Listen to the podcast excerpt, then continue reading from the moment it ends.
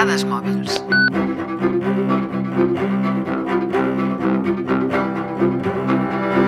Aquest és el cap de setmana de la Marató, eh, de TV3 i de Catalunya Ràdio. Molts catalans aixecarem el telèfon i la fundació encarregada de la Marató invertirà aquests diners seleccionant els millors projectes de recerca biomèdica de cada convocatòria, en farà un seguiment acurat al llarg de la seva durada, en controlarà la despesa i el desenvolupament científic, informarà la ciutadania dels resultats dels treballs i, per cert, mantindrà el cost zero en totes les activitats organitzades al voltant de la Marató perquè les despeses pròpies de la Fundació no signifiquin un gramaven dels donatius. Bé, doncs, aquest és el modus operandi més habitual quan es tracta d'ajudar els altres, sempre amb intermediaris. El cas més clar és quan la causa és la pobresa. No s'acostuma a donar diners directament a la gent que ho necessita perquè és delicat dir-ho, però potser no confiem en el seu criteri, en el, seu, en el seu nivell educatiu, o fins i tot deduïm que se'ls gastaran en qualsevol addicció. Però hi ha una fundació nord-americana que ha volgut experimentar amb un mètode contrari. Què passa quan dones directament diners a gent necessitada? Give Directly, dona directament, tracta d'ajudar els més necessitats en països pobres, donant-los els diners directament, sense cap tipus d'obligació. La família que rep els diners se'ls pot gastar en el que vulgui. Give Directly va posar en pràctica la seva idea a diferents pobles de Kènia, els més pobres i inaccessibles del país. El senyor Omondi, marit i pare de dos fills i habitant d'un d'aquests poblets, va rebre un SMS de matinada. Havia rebut 1.000 dòlars americans directament perquè els invertís o gastés en el que ell cregués convenient. Per posar-ho en context, cal dir que aquesta quantitat equival a un any de treball en el seu poble. Els, ve els veïns i els fills del senyor Mondi van deixar de passar tanta gana. Van arreglar eh, tots els sostres de les cases.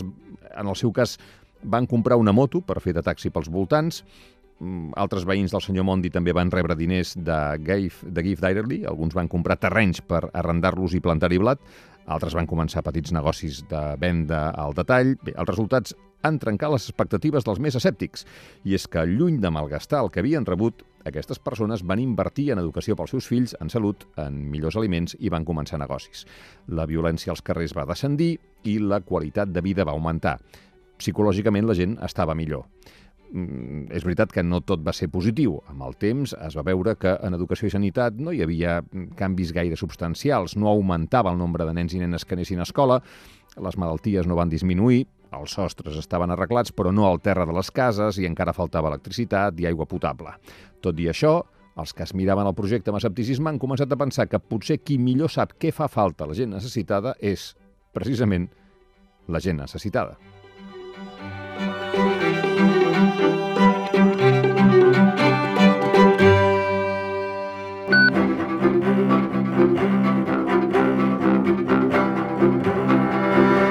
Els proverbis són com els bars. La majoria són xinesos. I un dels més coneguts diu regala un peix a una persona i li donaràs aliment per un dia.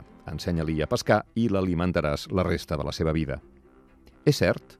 És millor donar diners per necessitats urgents o, per contra, és millor invertir en projectes a llarg termini? Hi ha milers d'associacions que treballen ensenyant tècniques d'agricultura, subministrant medicaments, regalant ulleres, posant vacunes, alfabetitzant, canalitzant aigua potable, etc. Però, els darrers anys, ha sorgit una nova teoria, que la gent sap el que necessita, i si tenen els diners, ho poden comprar. Podria semblar obvi, però la realitat és que històricament s'ha treballat des de la cooperació amb una perspectiva contrària. Sovint pensem que el que dona té més capacitat de decidir el que una persona en situació de pobresa necessita, però diversos experiments han demostrat que no és cert necessàriament.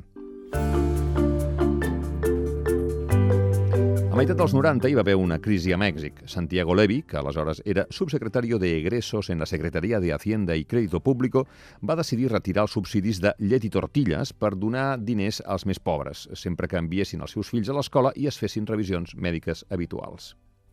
Tothom va posar el crit al cel perquè pensaven que els diners es malgastarien i augmentaria la violència domèstica amb tots aquells nous bitllets inesperats en mans necessitades.